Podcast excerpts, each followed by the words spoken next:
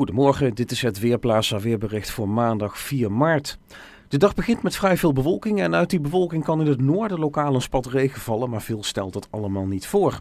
Vanuit het zuidwesten breekt vervolgens de zon af en toe door, maar in het noordoosten hangt in eerste instantie her en der wat mist en die mist kan daar overgaan in laaghangende bewolking, waardoor het daar regionaal toch vrij lang grijs kan blijven. Nou, de middagtemperatuur is een beetje afhankelijk van de hoeveelheid zon. In bewolkte gebieden blijft het een graad of 9, maar wanneer de zon doorbreekt kan het lokaal wel 12 of 13 graden worden.